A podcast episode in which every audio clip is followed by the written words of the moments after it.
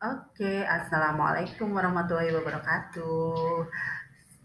Selamat sore, ini sore-sore habis hujan jadi seger banget. Saya kangen untuk membuat uh, podcast di Anchor. Jadi uh, saya ingin memberikan materi tentang uh, menulis, yaitu puisi saya kasih judul puisi cantik dari hati gitu ya nanti uh, kalau terlalu panjang akan saya bagi dua gitu ya. Ketemu lagi sama Dianika Pramayanti di sini, seorang dosen dan juga seorang writer-planner, juga talent mapping practitioner, juga sekarang saat ini lagi uh, kuliah gitu ya S3 di Asia University. Oke, kita akan masuk ke materi penulis uh, kepenulisan berupa puisi. Apa sih puisi itu? Puisi itu adalah karya sastra yang wujudnya tulisan dan di dalamnya terkandung ada unsur irama, rima, ritma, dan juga lirik dalam setiap baitnya dan yang penuh dengan makna. Itu berdasarkan Sudirman 1984. Berdasarkan Samuel Taylor, itu puisi adalah kata-kata terindah dan susunannya paling indah pokoknya. Dan puisi juga sebagai pemikiran yang bersifat musikal. Jadi saat ini banyak sekali dihubungkan uh, puisi itu ada background musiknya gitu ya. Itu menurut Carly Kemudian puisi juga pernyataan perasaan yang imajinatif, yaitu perasaan yang direkakan atau diangankan. Ini menurut word word.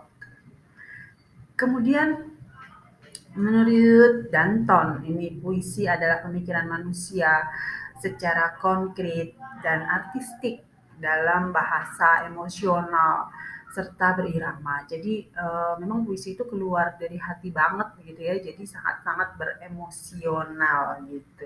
Dan tapi dia begitu cantik keluar tapi keluarnya itu keluar dari hati keluar dari perasaan penuh dengan perasaan tapi ditulisnya itu begitu cantik gitu ya ada iramanya dan juga kiasan ada citra-citra dan disusun se menarik mungkin artistik gitu ya. Menurut Shelley, puisi itu adalah rekaman detik-detik paling indah dalam hidup. Jadi benar-benar keluar dari hati itu puisi.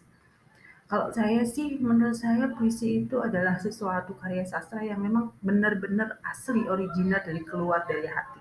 Pada saat kita lagi sedih, akan keluar puisi yang memang sedih gitu. Kalau kita lagi bahagia akan keluar puisi yang bahagia gitu. Jadi uh, puisi itu karya sastra yang benar-benar dari apa yang dirasakan gitu ya, dari hati banget deh gitu. Nah, unsur-unsur puisi sendiri itu apa? Uh, struktur fisiknya. Uh, itu ada tipografi. Tipografi itu bentuk bentuk dari uh, nanti kalau sudah disusun bait, uh, kemudian barisnya itu ber berupa tipografi gitu, perwajahan puisi. Kemudian ada diksi atau pemilihan kata gitu ya. Jadi uh, gaya bahasanya itu biasanya banyak-banyak dipakai bahasa kiasan, bahasa Sanskerta gitu. Uh, atau saya suka juga menggunakan bahasa Jawa Kawi. Nah, kemudian ini fiksi, puisi ini adalah uh, karya sastra fiksi, jadi hayalan gitu ya. Tapi bisa jadi adalah sebuah fakta, tapi tidak ingin orang lain itu tahu apa sih yang saya rasakan, jadi pakai kiasan-kiasan gitu. Kemudian bahasanya figuratif atau kiasan, kemudian katanya konkret, ada ritme dan ada rima atau irama gitu ya. Irama ritme itu yang ada di belakang tuh. Uh, kalau puisi zaman dulu, puisi lama itu ada A, B, A, B gitu belakangnya gitu ya, kayak pantun gitulah ya. Kalau uh, di belakang kalimat di uh, berbunyi er nanti untuk uh, bait keduanya R lagi jadi A gitu ya. Nanti kalau berbeda lagi namanya B gitu. Kemudian ada struktur batin karena puisi itu berasal dari hati banget penciptaannya, dituliskannya, jadi ada unsur batinnya, itu ada tema. Kemudian ada nada, dan ada rasa. Di situ kalau membuat puisi benar-benar uh, kalau kita membacanya itu benar-benar ada rasa. Kita bisa masuk ke dalam jiwa uh, yang menulis puisi itu. Dan juga selalu ada moralnya, amanahnya, pesannya itu apa sih di dalam puisi itu. Gitu. Jadi uh, kalau saya bilang puisi itu karya sastra yang luar biasa tapi saya kadang-kadang nggak bisa nulis puisi padahal uh, puisi itu salah satu karya sastra yang asik banget ditulisnya keluar dari hati banget sebagai curhat banget gitu ya tapi di situ kata-katanya diksinya itu uh, jadi kayak sastrawan gitu padahal uh, dari puisi itu kita bisa melakukan self healing karena itu dalam banget maknanya kalau kita bisa menuliskan puisi dari rasa. Saya nggak bisa nulis puisi dalam keadaan uh, sedih, munculnya bahagia nggak bisa. Kalau saya lagi bahagia, pasti muncul puisi-puisi bahagia gitu. Emosi di situ, rasa itu sangat mempengaruhi kalau kita lagi nulis puisi. Jadi puisi itu ada banyak nih jenis-jenisnya. Ada puisi lama, ada aturannya puisi lama itu, jumlah kata dalam satu baris biasanya ada berapa, 6 suku kata, 5 suku kata gitu ya. Jumlah baris dalam satu bait itu biasanya ada 4 gitu. Kemudian persajakan rima, rima itu yang belakang tuh. Nah, banyaknya suku kata tiap baris, kemudian irama. Nah, rima itu yang di belakangnya persajakannya, syairnya. Cirinya untuk puisi lama itu adalah puisi rakyat yang biasanya zaman dulu itu nggak tahu siapa penulisnya, pengarangnya itu nggak dikenal gitu karena mereka rata-rata itu tadi saya menulis puisi hanya untuk curhat, untuk self healing gitu ya. Jadi nggak perlu deh uh, ditulis namanya gitu. Kemudian disampaikan lewat mulut ke mulut, jadi merupakan sastra lisan gitu belum ditulis ya.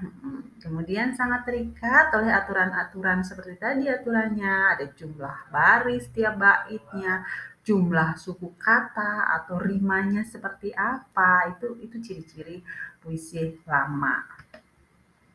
Jenisnya mantra, itu puisi loh mantra. Ucapan mistis gitu ya Mbah Dukun.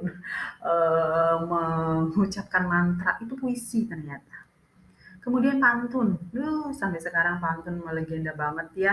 Kalau mantra mungkin sekarang uh, pandangan kita eh, itu yang bikin dukun atau buat dukun gitu ya. Kalau pantun kita semuanya bisa berpantun gitu kan. Kemudian ada Karmina atau pantun pendek, biasanya cuma dua baris. Kalau pantun biasa kan empat baris ya.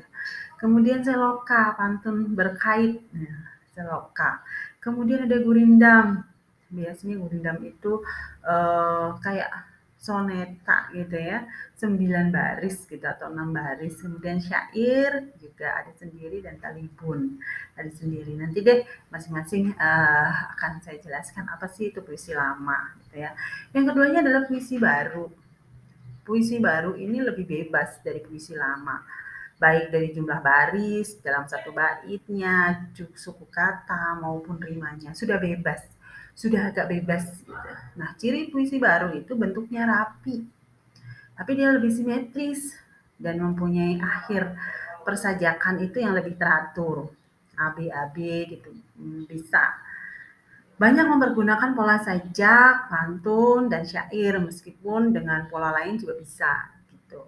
Kalau pantun kan dua baris untuk uh, start, uh, di kiasannya, dua baris untuk jawabannya Sebagian besar puisi di ciri puisi baru itu adalah empat baris. Dan tiap-tiap barisnya ada sebuah gatra, kesatuan sintaksis gitu ya. Jadi merupakan satu kesatuan di situ yang menggambarkan kalau memang mau menggambarkan kiasan ya kiasan dulu satu barisnya tapi kalau merupakan jawabannya yang sudah bukan kiasan lagi tapi e, benar-benar arti atau makna yang sesungguhnya ya itulah uh, satu baris itu. Kemudian tiap gatranya terdiri dari dua kata, sebagian besar, tapi bisa sampai empat atau lima suku kata. Itu itu puisi baru.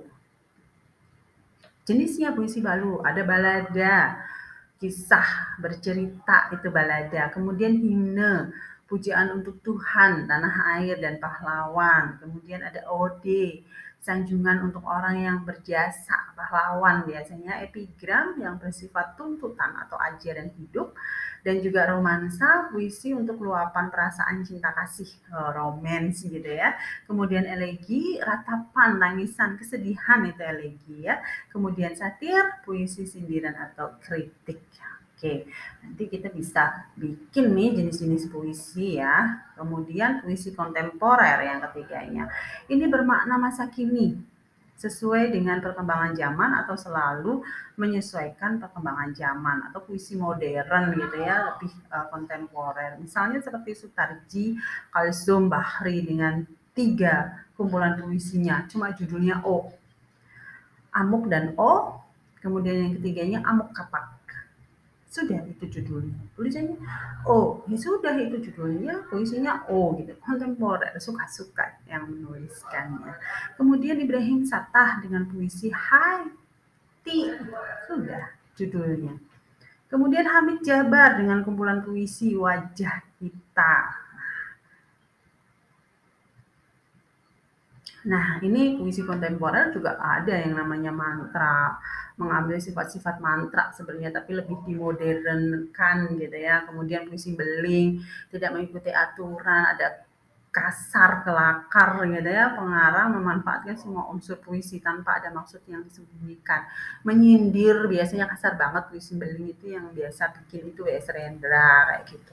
Kemudian puisi konkret puisi yang disusun dengan mengutamakan bentuk grafis berupa tipografinya. Jadi bentuknya ada yang huruf F, tanda tanya, tanda seru kayak gitu ya. Hingga merupakan gambar tertentu. Itu uh, puisi kontemporer gitu ya. Nah, ini di sini ada beberapa contoh sebenarnya puisi mantra Sutardi itu tadi ya. Sutardi Kalsum itu sang hai ping di atas pong, pong di atas ping, ping, ping bilang pong, pong, pong bilang ping. Ya, itu mah. Itu udah mantra gitu ya. Puisi beling, pedas. Pedas cabai rawit, semua kecanduan, pedas. Harga cabai rawit haruskah mati kecanduan?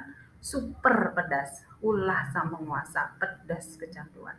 Mengkritik ini ya. Nah, itu beling enggak terlalu mengikuti aturan-aturan dari puisi. Kemudian puisi konkret, senyum. Ini saya e, bentuknya tipologi F. Saya ini yang menulis ya, senyum ibarat tirta, senyum bagai bayu, senyum bak misteri, senyum, senyum, senyum melarakan, senyum melegakan, senyum melakukan, senyum, senyum, senyum. Nah itu bentuknya F, huruf F gitu ya posisi ininya uh, bentuknya F gitu. Oke, nanti kita akan uh, lanjut di uh, berikutnya. Kalau panjang-panjang nanti takutnya uh, akan bosen mendengarkan ankor saya ini cerita saya. Nanti selanjutnya kita akan membahas tentang langkah menulis puisi dan tips cantik uh, untuk menuliskan puisi. Oke, terima kasih. Assalamualaikum warahmatullahi wabarakatuh.